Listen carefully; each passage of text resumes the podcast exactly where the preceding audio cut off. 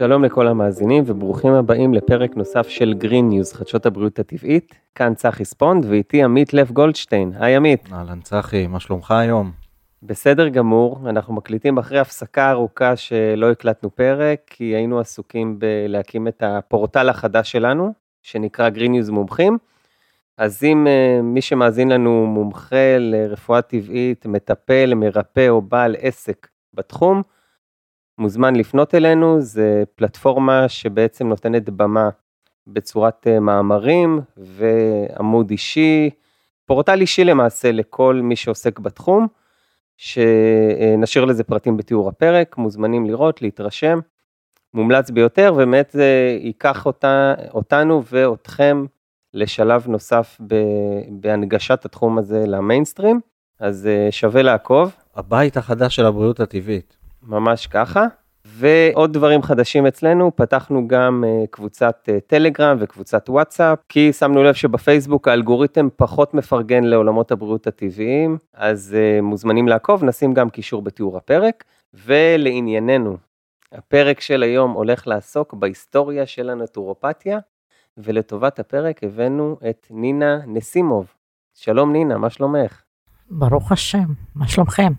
תודה רבה, תודה שבאת. אנחנו משתפרים מפרק לפרק. מדהים. ונציג את אה, נינה, היא אחות כ-40 שנה, אקדמאית עם שני תארים שניים, אחד מהם בקידום בריאות והתמחות בסוכרת, והיא נטורופטית מעל כ-30 שנה. אז uh, נשמע מאוד מאוד מרשים ויש לך המון ניסיון. נשמח להבין איך הגעת בכלל לתחום הזה של נטורופתיה, ועוד לפני 30 שנה שזה פחות היה נפוץ ממה שזה היום.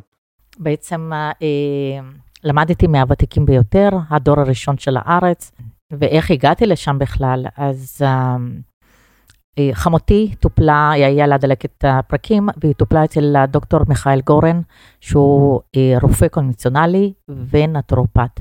כלומר, הוא עוד בברית המועצות למד את הנטורופתיה. והוא כתב ספר, הדרך לבריאות ואריכות ימים. לקחתי את הספר, התחלתי לקרוא, הייתי עדיין ללא ילדים, ומצא חן בעיניי, גידלתי, התחלתי לגדל את הילדים שלי על חלב סומסום, במקום מטרנה. ככה זה התחיל הרומן שלי עם הרפואה הטבעית. אה, לאחר כמה שנים, אני חליתי, ב... היו, סבלתי מכאבי בטן, אה, עשיתי את כל הבדיקות, ובעצם אה, לא מצאו אצלי כלום. הרופא המשפחה שלי, שלח אותי לפסיכיאטר, כי הוא החליט שאולי אני ממציאה את הכאב, לא יודעת. אה, מאוד נפגעתי, כאילו מן סטירת לחי, אז אני אומרת לו, תקשיב, אני אחות, ואני יודעת מה זה כאב, אני סובלת, אני סובלת כבר שנה וחצי. והכאבים מתגברים יותר בלילה. אני מאוד מבקשת, האם יש מענה? הוא אומר לי, לא, אולי פסיכיאטר יעזור לך. מאוד נפגעתי, אמרתי אולי אתה צריך פסיכיאטר, אבל אני בטוחה שאני לא צריכה. לקחתי את התיק ויצאתי. באיזשהו שלב מסוים מצאתי זוג מקרוביוטים, שהם בעצם מרפאים טבעוניים, כן, סינים, יפנים, משהו כזה. Uh, לא אהבתי את התזונה המקרוביוטית, מאוד מאוד לא התחברתי, אבל כן הורדתי את העשר כוסות נס קפה ששתיתי, ועוגות שמרים, הייתי חולה על עוגות שמרים. ובעצם הרסתי ככה את הרירית המעיים שלי. וברגע שהורדתי את הכוסות קפה ואת כל הג'אנק, בכל אופן אני אחות, אז אני מכירה קצת פחות או יותר את התזונה הבריאה, נעלמו לי עקבי בטן תוך שבועיים, ואז החלטתי שאני הולכת ללמוד נטרופתיה. במקרה, ואין שום דבר במקרה אצלנו, אז מצאתי איזשהו פרסום של הבית ספר שלמדתי בו, אה, שהם מלמדים נטרופתיה, והלכתי אה, ללמוד אצל משפחת סולם. בעל ואישה, שהם בדיוק פתחו את הבית ספר לנטרופתיה שלהם. אה, למדתי אצלהם את הארבע שנים, פלוס שנה נוספת, שזה קוסמטיקה טבעית, עם כל האבחונים למיניהם. אז uh, זה ההתחלה. Okay, אוקיי, לא פשוט להוריד uh, כמות כזאת של כוסות קפה, אני מכיר את זה על עצמי. איך הצלחתי, אם יש לך פה טיפ למאזינים, אני יכול לשתף שאצלי, uh, מה שהוריד לי את הקריז לקפה זה מים חמים עם לימון. זה מה שירגיע אותי, ועד עכשיו אני כבר נקי מקפה ארבע, ארבע שנים. אז אני נקייה מנס קפה 30 שנה, אה, קצת יותר אפילו, 32 שנה, אבל קפה שחור, אני שותה קפה שחור אחד ביום. וזה לא עושה נזקים? לא. הקפה, יש. אה, מחקרים שמראים שקפה שחור, הפוך, הוא טוב, כן, והוא מכיל פוליפנולים, כלומר חומרים נוגדי חמצון, שהם בריאים לתאי המוח, תאי הלב וכולי. אז הקפה אחד בבוקר זה טוב. עכשיו, מה, למה, מתי הוא טוב? זה מאוד מאוד חשוב. מה עושה קפה? מה עושה קפאין? מעורר. מעורר, יפה. הוא מעורר בעצם את כל המערכות, כן? לתפקוד מהיר יותר. אז uh, אם אני על אדרנלין, שזה בעצם הורמוני לחץ, ואם אני שותה קפה, אז זה מעורר אותי עוד יותר, הוא מעלה בעצם גם אדרנלין. אז קפאין, עם כמויות, כמויות של קפאין, גורמים בעצם ליתר לחץ דם, לסכרת ולכל המחלות הלב. לב. אבל uh, אם אנחנו חיים על אדרנלין בעצם. עכשיו, אם אני לא חיה על אדרנלין, וזה בעצם חלק מהשיטה שבניתי, אם אני לא חיה על אדרנלין, אז בעצם קפה אחד ביום, הפוך, זה טוב וזה מעודד בעצם את הזרימת דם לכל המערכות הגוף. ולכן בעצם הנוגדי חמצון של הקפאין הם טובים לגוף בזמן שהגוף רגוע ולא בזמן שהוא נמצא אז בלחץ. אז מתי מומלץ לשתות קפה שחור לצורך העניין? בוקר. יש לזה חשיבות באמת, או ש... כן, בלילה אנחנו לא שותים קפה, למה? כי אה, עומס אה, במהלך היום, כן, מעלה לנו את האדרנלין. הרי אנחנו נוהגים, אנחנו נמצאים בלחץ, בהספקים, ב... אז, אז קפה בעצם גורם לנו, כן, להתעוררות ולעליית יתר של, ה, של האדרנלין. אבל אם אני שותה אותו רק בבוקר, אני על דופמין, לא, לא על אדרנלין. אם אני ישנתי טוב בלילה, כן, בבוקר, בסביבות שעה 4-5 לפנות בוקר, יש עלייה טבעית של הגוף, של הדופמין והאדרנלין. מעט מאוד אדרנלין. אבל דופמין, ואז יש לנו מוטיבציה בעצם, מה זה דופמין? זה בעצם הורמון המוטיבציה. הוא מניע אותנו לעשות כל מיני פעולות, כן, לטובתנו. אז אם אני בעצם שותה את הקפה, אז אני מעלה עוד יותר את הדופמין. אז האדרנלין, הטיפה שהעליתי, זה נותן לי מוטיבציה לעשות, כן, מ-5 בבוקר, ומושך אותו לכל היום. אבל אם אני שותה את זה בערב, אז אני בעצם מדכא את שעת השינה, אני מדכא את המלטונין. אז אני לא ישנה טוב, אז אני סובלת בעצם מנדודי שינה. אז מה עשיתי בזה? אני בעצם הרסתי את הבריאות. מעניין לשמוע בתור אחות, איך את רואה את השילוב או את היחסים בין טורופתיה ל- לרפואה. אז זהו, אז הלכתי ללמוד, חיפשתי, היה לי מאוד קשה. כי עבדתי בבית חולים 15 שנה, והתחילו להיות ויכוחים עם הרופאים, אז uh, הבנתי שהמקום שלי לא בבית חולים, עזבתי את הבית חולים, עברתי לקופת חולים. אבל בקופת חולים, כאילו הייתי מנהלת סיעוד, כאילו אחות אחראית, ו... וזה נתן לי כי... אה, מוטיבציה לקדם את הבריאות של האנשים. הרי קופת חולים הפך להיות שירותי בריאות, נכון? מכבי שירותי בריאות כללית, שירותי בריאות, אנחנו בעצם מה נותנים שירותי בריאות? אז מתוך ההבנה הזאת, כן, שאני עובדת בשירותי בריאות, אז יאללה, אז ניתן בריאות לאנשים. אה, לא כל כך קיבלו את זה בהתחלה, אבל אחר כך פשוט אה, הייתי צריכה לחפש איזשהו תואר שבעצם ישלים לי, כן, את ה... ישלב לי את שתי התחומים. אז, אז יש את התואר בבריאות הציבור, כן, תואר שני, שלמדתי את החוג לקידום בריאות. וכשאני היום מציגה את עצמי ב... כאחות, עם תואר שני בקידום בריאות, אז וואו, אז הנטרופתיה זה כאילו כן, מזדנב לו ככה. למרות שיש אה, אה, רפואה משלימה בקופות חולים. אה, זה לא אותו דבר, זה ממש ממש לא אותו לא, דבר, לא אותה רמה. לא, אז עוטפים את זה בצורה רפואה אלטרנטיבית משלימה, למרות ש... כשאתה נכנס למחלקת רפואה משלימה בקופת חולים, מי שבודק אותך הראשון, כן, זה הרופא קונבנציונלי. אתה לא יכול לבקש נטרופט כאוות נפשך. גם הנטרופט שם, הוא לא עובד כמוני כנטרופטית, כן? זה סגנון אחר לגמרי. עכשיו, אה, אחד הדברים שיש לי כאילו אכזבה מנטרופתיה של היום, זה בעצם לקחו את הנטרופתיה לכיוון אחר לגמרי. אין היום הבדל בין רופא קונבנציונלי למרפא נטרופת. למה? אם יש לי כאבי ראש, כשאני למדתי, אז מחפשים את, את, ה, את השורש הבעיה. אז מה, מה, מה גורמים לכאבי ראש? זה יכול להיות הדברים הכי הכי פושטים, שזה אה, חוסר נוזלים, אה, חוסר המוגלובין, כלומר חוסר חמצן, ואפילו עצירות גורם לכאבי ראש. אה, והכי הכי הכי אה, קשים זה מערכת הורמונלית משובשת, מערכת נוירוטרנס, כאילו, היא לא מאוזנת וכולי. אז במקום לחפש את השורש של הבעיה, הנטרופטים הפכו להיות מרפאים כמו רופאים קונבנציונליים. אה, יש לך כאבי ראש, בוא ניתן לך אקמול. מה יש לנו במקום אקמול? בוא ניתן לך משהו צמח נגד כאבי ראש. לא, זה לא הולך ככה, לא למדנו נטרופתיה. מה זה נטרופט? נטרופט הוא מומחה לרפואה טבעית.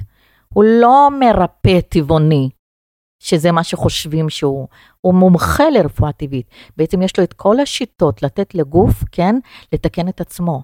הוא צריך לתת את השיטות האלו, את הכלים האלו למטופל. הגוף יודע להגן על עצמו, הוא יודע לט, לטפל בעצמו, אנחנו צריכים רק לתת לו את, ה, את הכלים שהוא צריך. החשיבה של הנטרופטים של היום היא לא כזאת. כלומר, אני המרפא ואני ארפא אותך. זה לא הולך ככה. לא, אבל השאלה אם באמת אה, כשנטורופט נותן למישהו שהוא לא מבין את המשמעות, שהרגילו אותנו לפתרונות אינסטנט, שאתה לוקח כדור, נפתרה הבעיה, אז יכול להיות שצריך להנגיש את זה באופן שאתה צריך איזשהו תוסף, איזה משהו, שגם יהיה, אפילו אם זה אפקט פלסבו, שייתן למטופל איזו הרגשה שהוא מקבל איזה משהו שזה פותר לו את הבעיה. כי לכאבי ראש מספיק תגיד לבן אדם, אתה צריך אה, להשלים שעות שינה, אולי העבודה שלך, היא, אתה לא מרוצה מהעבודה ויש לך כאבי ראש, או יש לך בעיות בזוגיות או משהו בחיים האישיים, זה עושה לך כאבי ראש, זה יושב על משהו נפשי. נכון, אבל יש לנו את האבחונים, הנטרופטים, שאני למדתי אותם, והיום לא מלמדים אותם. כדי שלאבחן את הכאבי ראש, כן, אז אני צריכה, למדנו אבחון ציפורניים, אבחון גלגלה עין, אז היום הוא אירידיאולוגיה. באירידיאולוגיה זה בעצם כמו אולטרסאונד, שאני יכולה לראות דברים, אבל אני לא יכולה לראות, למשל, סתם דוגמה, אני יכולה לראות בעיה בכבד, אבל זה לא מחלה בכבד, יש הבדל. אני, יכול, אה, אני משתמשת, למשל, סתם דוגמה, באבחון של הלשון, אבחון לפי אור, שיטה אורטומולקולרית, לא מלמדים אותה היום. אבל על פי שיטה הזאת אני יכולה לאבחן מטופל, הבחנה הכי מדויקת. ואת זה, אין את זה היום. זה צריך ציוד מיוחד לזה, כמו לא, כלום, שום דבר, מצלמה... כלום, שום דבר. מספיק שהמטופל אומר לי שיש לי בעיה במערכת העיכול. נגיד סתם דוגמה, יש לי כאבי, אה, לא מצאו לו אולקוס. אני כבר יודעת שיש לו מחסור בוויטמין A. כי למה? מה התפקיד של ויטמין A בגוף? לעזור לבנות את הריריות של המעיים, לאו דווקא מעיים, ריריות בכלל, באופן כללי. אז זה יכול להיות ריריות של הרחם, זה יכול להיות ריריות של המערכת הנשימה. בעיות פוריות יכולות להיות בגלל מחסור בוויטמין A. לא מלמדים היום את, על ויטמינים ומינרלים, בעצם על כל אבות המזון, כמו שלימדו אותי.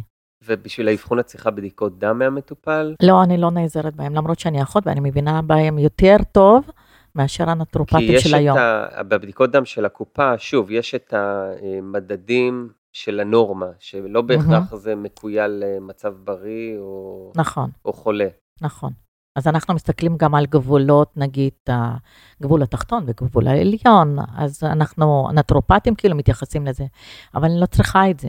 אני בדרך כלל מבקשת ממטופל בדיקות דם, רק כדי שהוא יוכיח לעצמו, כן, את השינוי שהוא עובר. למשל, סתם דוגמה, סכרת. אם אני לוקחת את מדדי הסוכר, אז, uh, והוא בא אליי עם הבחנה שיש לו סוכרת, אני לא מסתפקת בהבחנה שהוא מגיע אליי. אני מאבחנת אותו לבד. הרי יש כמה גורמים לסוכרת. צריכה לדעת מה הגורם העיקרי לסוכרת. לרוב זה סטרס. אז אני צריכה בעצם לטפל ב... לרוב, כן? להתמקד יותר בסטרס מאשר בתזונה שלו. כי אם הוא ישנה את התזונה ויעשה פעילות גופנית, כל עוד יש לו סטרס בחיים, ולא נתתי לו כלים להתמודד עם זה, הוא לא, הוא לא ירד מסכרת לעולמים. תוך כמה זמן רואים שינוי אחרי אבחון? כאילו, מה התהליך שהגוף באמת יודע לרפא את עצמו אחרי רגילים של שבועיים, שנים? חודש. גם אחרי שנים של, אה, לא יודע, שתיית קפה? כן. יש, יש איזה מקרה אה, ספציפי שאת זוכרת, שהיה בו תוצאות מדהימות? אה, בלי לציין שמות, כן, לשמור על הפרטים. אני אתן למשל סתם דוגמה שלא קשור בכלל ל... למחלות רגילות. אוטיזם. הרבה פעמים חושבים שנטרופתיה לא יכולה לטפל באוטיזם, נכון? הייתה לי ילדה בת עשר שהיו לה, לאוטיזם יש דרגות, בסדר? היא פשוט מאוד הייתה חרוצה בכיתה, הייתה בת עשר, כן, הייתה חרוצה בכיתה, אבל שומו שמיים, לפעמים המחנכת הייתה אומרת, היא יכולה לקבל איזשהו ציון שלא מוצא חן בעיניה, הייתה זורקת את עצמה על הרצפה והייתה דופקת את הראש, שזה משהו לא מתאים לגיל עשר. שלחו אותה לפסיכיאטר כדי שהיא תקבל איזשהו טיפול פסיכיאטרי, האמא הגיעה אליי. ואז אני אומרת לאימא, אה, אוקיי, נתחיל בעצם, עשינו את האבחון, ראינו שזה בעצם איזשהו סוג של אוטיזם, ונתחיל לטפל. חלק מהטיפול זה פרחי באך, אוקיי? ואז אני, וחלק מהטיפול זה בעצם אה, אימא. אחד מה, מהגורמים לאוטיזם זה בעצם ילד לא רצוי. כשהעובר מרגיש שהוא לא רצוי, הוא בעצם מתכנס בתוך עצמו. ואז בעצם, כן, הוא יוצר איזשהו עולם משלו, והוא לא רוצה בעצם לצאת מהעולם הזה. מה שאימא צריכה לעשות בעצם לחבק את הילד, כן, להתנדד, להתנד, להתנדנד יחד עם, ה, עם הילד ולהגיד, אני אוהב אותך. גם בגיל עשר? גם בגיל עשר. אבל מה, כשהוא ישן או כשהוא... לא, לא, לא, כשהוא ער, הילד צריך לשמוע שהוא מאוד אהוב, וואו. שהוא רצוי.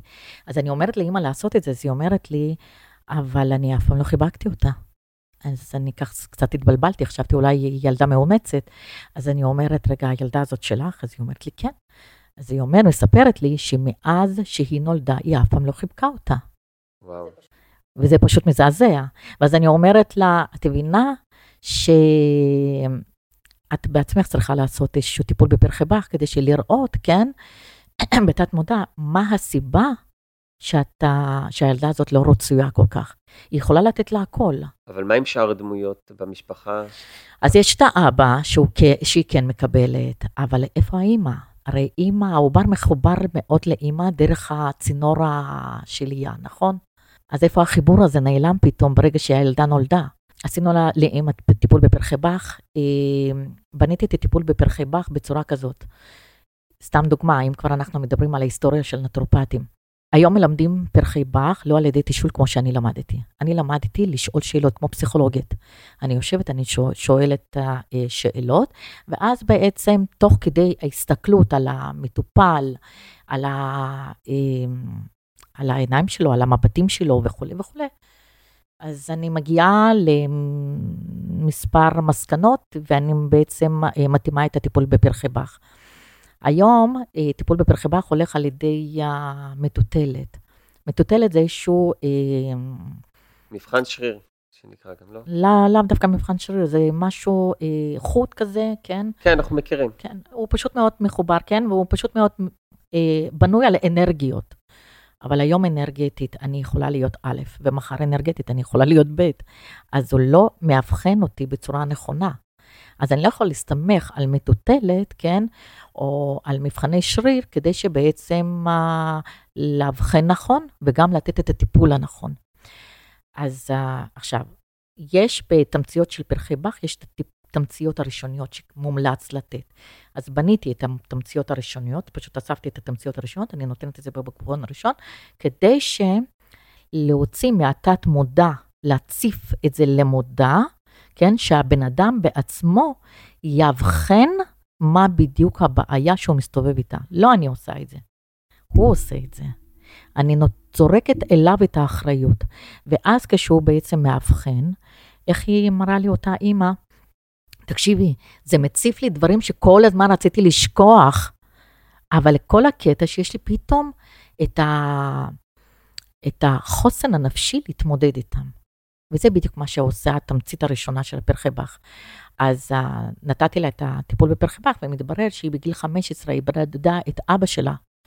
והילדה הזאת, היא איבדה את אבא שלה, קיבלה את זה מאוד מאוד קשה, ו... והייתה בטיפול פסיכיאטרי הרבה שנים. למרות התוארים שהיא עשתה, היא לא נראית בכלל שיש לה בעיה פסיכיאטרית. אבל uh, כשהיא ילדה את הבת הזאת, היא בעצם השליכה על הבת הזאת את עצמה. היא ראתה את, בבת הזאת את עצמה, ולכן לא רצתה להיקשר אליה. לך מקרה שחס וחלילה שהיא גם את... אה, נכון, אם תהיה נטישה מסוימת מצידה או מצד הבת, שהיא לא תחווה את מה שהיא חוותה. אה, וזהו, שניהם בעצם בריאים ושלמים, ו... וזהו. לקח אמנם שלושה חודשים, כי טיפול בפרחי באך הוא קצת ארוך, אבל, אה, אבל אפשרי. יש הרבה דברים בנטרופתיה. והילדה, מה, מה קיבלה הילדה? הילדה יצאה מאוטיזם, כן, היא קיבלה את החיבוק, את הכול. לא קיבלה עוד איזה תוסף כלשהו? לא, ברור. קודם כל שינוי תזונה. היא צריכה לקבל הרי כל מיני ויטמינים ומינרלים לבנייה של הנוירוטרנסמיטרים במוח. כדי שיעשו את העבודה. ו... זה שינויים שאפשר לעשות כל עוד אה, הם ילדים ויש להם יכולת לחדש אה, תאים, או כאילו גם מבוגר יכול לעבור תהליכים כאלה? גם מבוגר יכול לעבור תהליך, אבל במבוגרים זה קצת בעיה, כי יש שם טיפול, טיפולים פסיכיאטריים. כלומר, מאוד מאוד קשה, אסור לנטרופט להוריד תרופות פסיכיאטריות. אז אם יש רופא שהוא בעצם מוכן להוריד, אז מה טוב ומה נעים. באיזה אופן נטורופתיה יכולה לעזור לבעיות אה, רגשיות ונפשיות? אה, אז יש לנו קודם כל את הוויטמינים ומינרלים שהם בעצם גורמים לייצור, כן, של נוירוטרנסמיטרים שהם מאוד מאוד חשובים. נוירוטרנסמיטרים זה מוליכים עצביים במוח אה, ובגוף, שהם בעצם נותנים הוראות למערכת עצבים, כן? הוראה, הוראות למערכת עצבים, כדי שיעשו את הפעולה מסוימת. אז יש למשל, סתם דוגמה, אה, סרטונין. סרטונין זקוק לבנייה שלו ל-B6, אבל הוא גם זקוק לטריפטופן, שזה חומצה אמינית, בלי זה לא יהיה סרטונין. אז רוב החולים הפסיכיאטרים חסר להם בעצם את, ה, את החומצה אה, האמינית וויטמיני B. אה, למיניהם. יש את, ה, יש את השיטה האורטומלקולרית, כן? שבעצם מי שהמציא אותה הוא רופא אה, אנגלי. יש בבית חולים, באחד מבתי חולים בלונדון, כן, עשו שם מחקר על ויטמין B3 וסכיזופרניה. מזמן כבר עשו את המחקר הזה. הם נתנו כמויות גבוהות של B3 לחולים סכיזופרנים והוציאו אותם מסכיזופרניה, שזה אפשרי, אבל כשעושים את זה בבית חולים, במסגרת בית חולים, אז, אה, אז אה, זה נהדר, אבל אה, אנחנו, לא ייתנו לנו את האפשרות הזאת, למרות שפעם כן רציתי להיכנס לבית חולים פסיכיאטרי ולעשות איזשהו מחקר כזה. זה יפגע בתעשייה של התרופות הפסיכיאטריות, זה בעייתי. נכון. נכון, עד שכשקלטתי את זה, שהכל מתחיל מזיגמויד, פרויד, כן, שבעצם זה לא לכאן. אז בואי לא, אז סבבה, שלא יצנזרו לנו את הפרק בטוב, כן, אבל uh, הבנו שיש פה משהו, ניגודי אינטרסים, בוא נגיד ככה. רציתי לשאול, עמית ואני שנינו הורים לילדים, ויש היום, את יודעת, בעיה נפוצה, במרכאות בעיה, של הפרעות קשב וריכוז, ויש. ריטלין שנותנים... להרבה ילדים ככה, יד קלה על ההדק, בוא נגיד ככה עם ריטלין, אז אם יש לך פה פתרון, נשמח לשמוע. זה, מה הנטורופתיה יכולה להציע? זה, זה נהדר. אה, אחד מהילדים שלי היה היפראקטיביה בן שנתיים. וכשהלכתי, עוד אז לא הייתי נטרופטית, והלכתי למרפאה הזאת, המקרוביוטית, ושאלתי אותה מה אני עושה, הוא פשוט מאוד תזיזתי כזה. אז היא אמרה לי, קקאו וסוכר לא הולך ביחד. הורדתי לו את הקקאו ואת הסוכר ופלמן. זה היה אצלי אה, אורח בבית. אצל כל ילד. ופלמן אז בזמנו, אוי, אה, המפעל היה בזמנו ליד הבית שלי, אז הייתי קונה מזה כמויות. אה, הורדתי לו את הוופלמן, את כל בעצם קקאו והסוכר, שזה גם השוקו, שום פל... כאילו, היה פלא לראות את הילד יושב בריכוז 20 דקות בגן. ואז כשהתחלתי להיות נטרופטית, אה, הילד הראשון שטיפלתי בו היה עם בעיות הקשב הריכוז והיפראקטיבי שסילקו אותו מהבית ספר. הוא היה בן 13. ואז נודע לי שאימא שלו בעצם לא יודעת גם לבשל. אז מה הייתה ארוחת בוקר שלו? קרואסונים. מה ארוחת צהריים? קרואסונים. מה ארוחת ערב? סקס, סוכר. קרואסונים. ואז uh, שיניתי לו את התזונה, אבל כדי שלשנות את התזונה זה בלתי אפשרי כשאימא לא יודעת לבשל, אז הכנתי לה מתכונים. זה היה המטופל הראשון שלי. הכנתי לה את המתכונים, איך להכין שקשוקה, איך להכין מרק, איך להכין... הכנתי לה מתכונים, נתתי לה את זה, ונתתי טיפול בפרחי פח לילד. הוא השתנה תוך חודשיים. עכשיו, בעצם הילדים בכיתה מכירים אותו כמפריע, נכון? הוא היה מופרע. אז מה עושים? איך בעצם מתסיסים אותו? אז הוא לא שיתף פעולה, כי הוא כבר ילד שקט, רגוע. אין לו, לו בעיות קשב וריכוז, הכל טוב ויפה, אבל מה עושים? והתחילו להציק לו. אז ביקשתי מאימא פשוט מאוד להעביר אותו לבית ספר אחר, כדי שתהיה לו התחלה חדשה. שבע שנים אחרי זה, בגיל 21 בערך, הוא הזמין אותי לחתונה שלו. זה היה מאוד מאוד מרגש. ילדים היפראקטיביים הם ילדים מאוד מאוד חכמים. מאוד חכמים. הם תזוזתיים, למה? כי משעמם להם. היום המורים הולכים קשה עם לפי... המסגרת, המסגרת הלימודית היא קשה, ומצפים שתהיה בשולחן, ויום שלם, וכן, זה לא... יש לי מורים, צריך לשנות את השיטה. יש לי מורים שמגיעים אליי לטיפול, עם כל מיני בעיות רפואיות. ואני תמיד שואלת מה המקצוע, כי זה מאוד מאוד אה, מקש, קשור לתזונה בעצם. אני צריכה לסדר לו את כל התפריט, כן, ולהתאים לו את זה ל, לעבודה שהוא עובד בה. אז אה, ש, היו לי אולי ממש לאחרונה שלושה מורים. ו, ואני, שואלת את המורים, כמה זמן אתם הייתם, אה, ב, כאילו למדתם, כן? כמה זמן השיעור היה? 45 דקות היה בימינו. כמה זמן היום לילדים? שעה וחצי. אם אני אחרי 40 דקות כבר אין לי סבלנות לשבת מול המחשב, אז קל וחומר ילד שעה וחצי, כמה, כמה זמן הוא יכול לשבת ולהקשיב נכון. לשיעור. אז זה אחד. דבר שני, המורים יש להם היום איזשהו... אה, יעדים? לאו דווקא יעדים, זה יותר, כאילו הם מקבלים חומר מובנה. אתה צריך ללמד X, Y, יעדים זה תוך כמה זמן, okay. כן. אבל לא. יש להם סילבוס, תוכנית הם, לימוד. תוכנית לימודית, אבל מובנית, זה בדיוק כמו אצל רופאים. גם רופאים, יש להם, להם בדיוק מלמעלה, אתה צריך ללמד X, Y, זהו. ואז מה שקורה, שלפעמים הילדים עם בעיות קשב וריכוז, כן, שהם לא מקבלים את התזונה שהמוח זקוק לוויטמינים והמינרלים והחומצות המיניות וחומצות שומן, אז הם בעצם מאבדים את זה. הם מאבדים את זה כי הם לא יכולים להקשיב ל... ל... לאותו חומר מובנה. וההיפראקטיביים הם פשוט רוצים לרוץ עם החומר. הם מאוד חכמים, ולכן בעצם זה כבר לא מעניין אותו. אז הוא פשוט מאוד הופך להיות תזיזתי. לגבי התזונה, שוב, את בתחום המון שנים, אבל uh, אנחנו יודעים שהתזונה של היום היא היא לא כזאת בריאה, יש המון אה, ריסוסים, יש אה, הנדסה גנטית, תפוחים אפילו מושכים אותם בשעווה כדי שיחזיקו כמה שיותר זמן על המדף. אז מה, מה הפתרון, מה ההמלצה? באמת האם לצרוך אורגני? לא כל אחד יכול לגדל לעצמו כמובן, כמו שאנחנו שואפים מתישהו שזה יהיה, אבל אה, מה הפתרון? כי באמת התזונה היא מרכיב מאוד חשוב, שמשפיע על הרבה אלמנטים, אבל גם בתזונה יש לנו הורמונים בבשר וגידולים שעוברים ריסוסים? שתי uh, דברים אני יכולה להגיד לגבי זה. קודם כל, הרמב"ם כתב לאכול כל דבר במידה, וזה מאוד מאוד חשוב. לא להתמקד אך ורק במוצר אחד, שתיים, פשוט לגוון את, ה, את התפריט היומיומי. אה, דבר שני, בדיוק ביום שישי הלכתי לעשות קניות, אה, חיפשתי עגבניות. שולחן ללא מטבוח, אז זה לא שולחן שבת. אז הלכתי לחפש עגבניות, ו... ואני לא מוצאת עגבניות. כולם ירוקים, בוסר, והגעתי אה, לבית טבע, ושם אה, ראיתי עגבניות. כמה עולה עגבניות שם? 16 וחצי שקל. המון כסף. למה? אורגני. אז, אורגני, אורגני, שזה גם לא אורגני, בוא. לך תוכיח שזה אורגני. נכון. אז uh, אמרתי לבעלי, אוקיי, אני אקנה כמה, כדי שיהיה לנו ככה לפחות לסלט. קניתי, uh, אתה יודע איך אפשר להבדיל בין העגבנייה המהונדסת לעגבנייה טבעית? איך? תחתוך אותו, ת, תפרוס אותו, ואז יש לזה ארבע חדרי, חדרים. הוא אמור להיות דומה ללב. ארבע חדרים. אוקיי? הוא מחולק לארבע. לא הכרתי, יפה. עכשיו ת, תבדוק את זה בשווקים.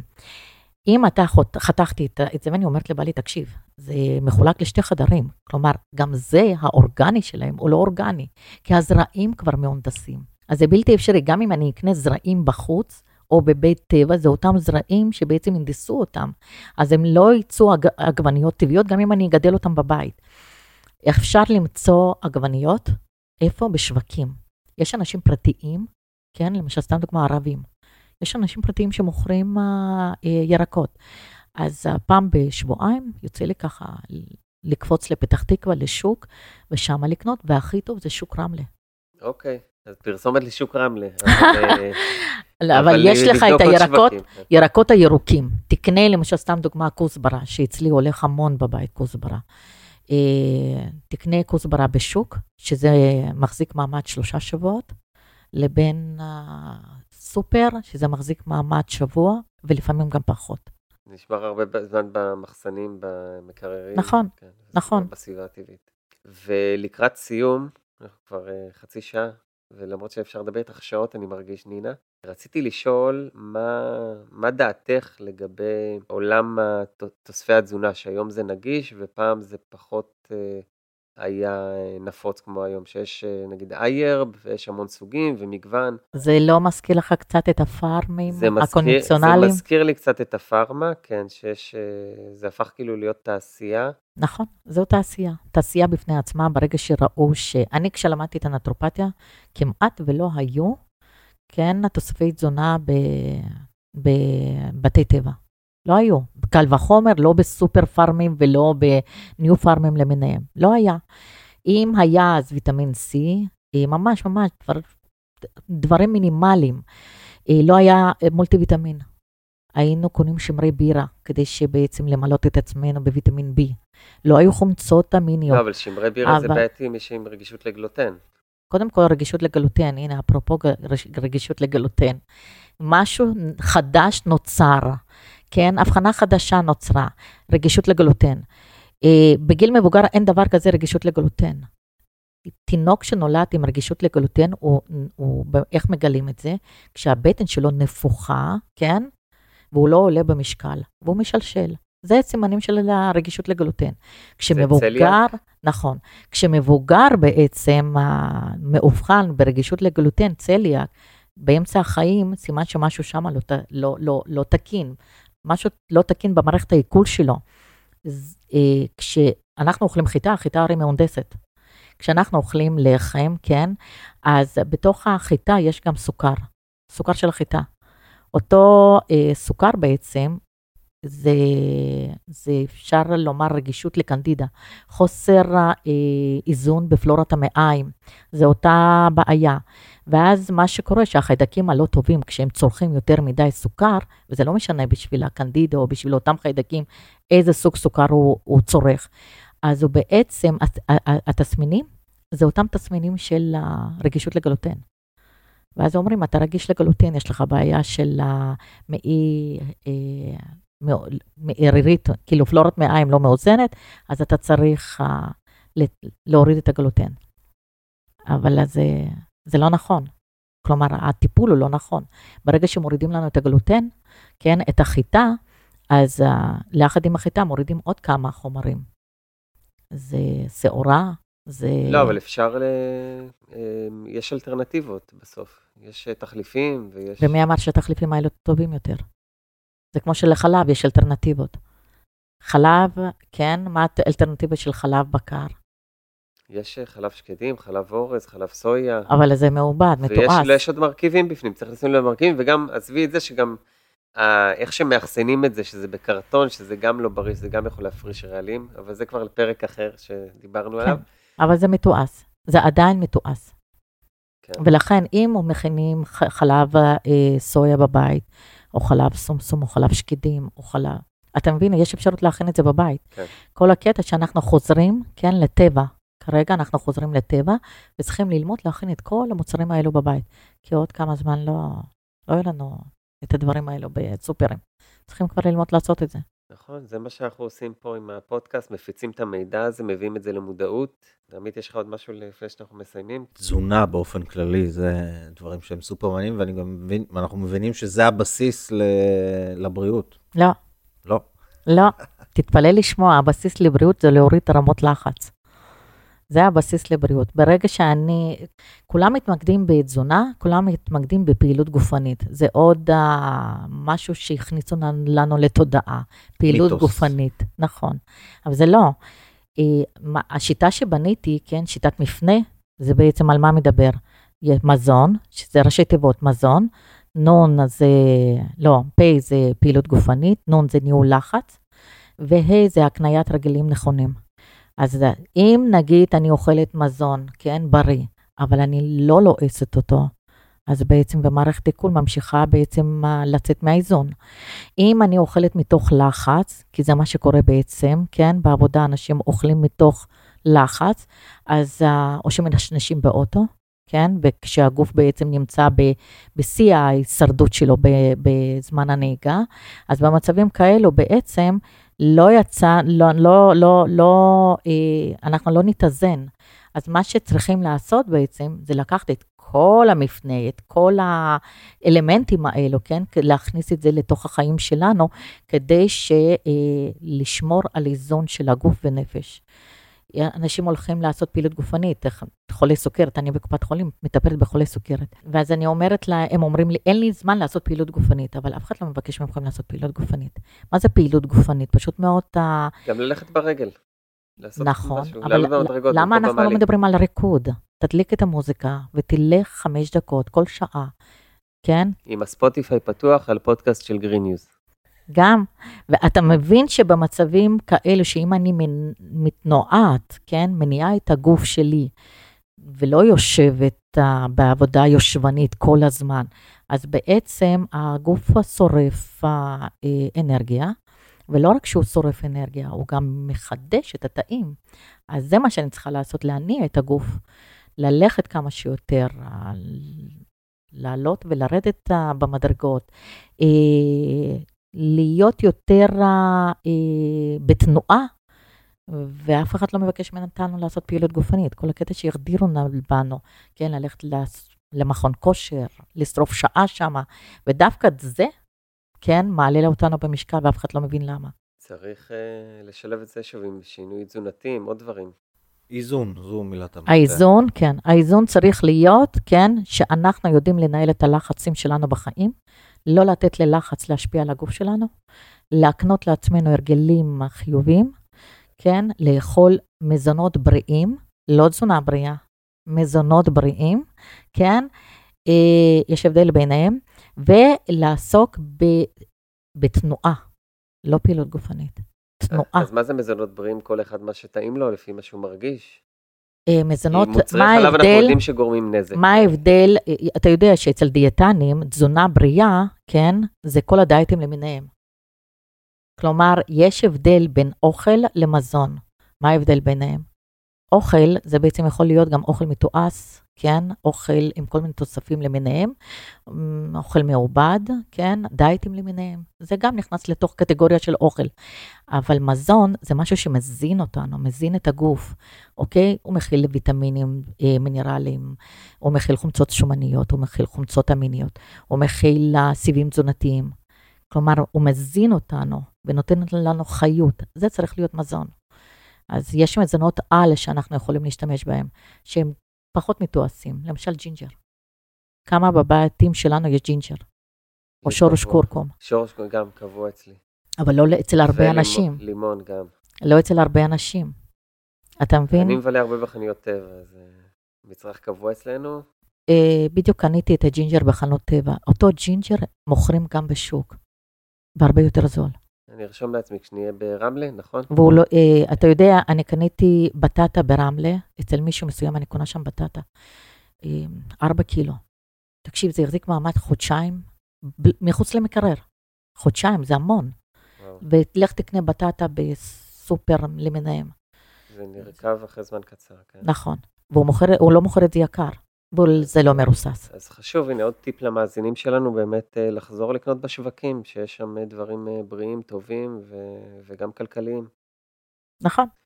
נינה, ממש היה לנו נעים וכיף לארח אותך. את רוצה לספר על סדנאות שאת פותחת, נכון, אחרי פסח? אחרי פסח, בגלל שאנחנו, שוב, כמו שאני אומרת, אנחנו חוזרים לטבע.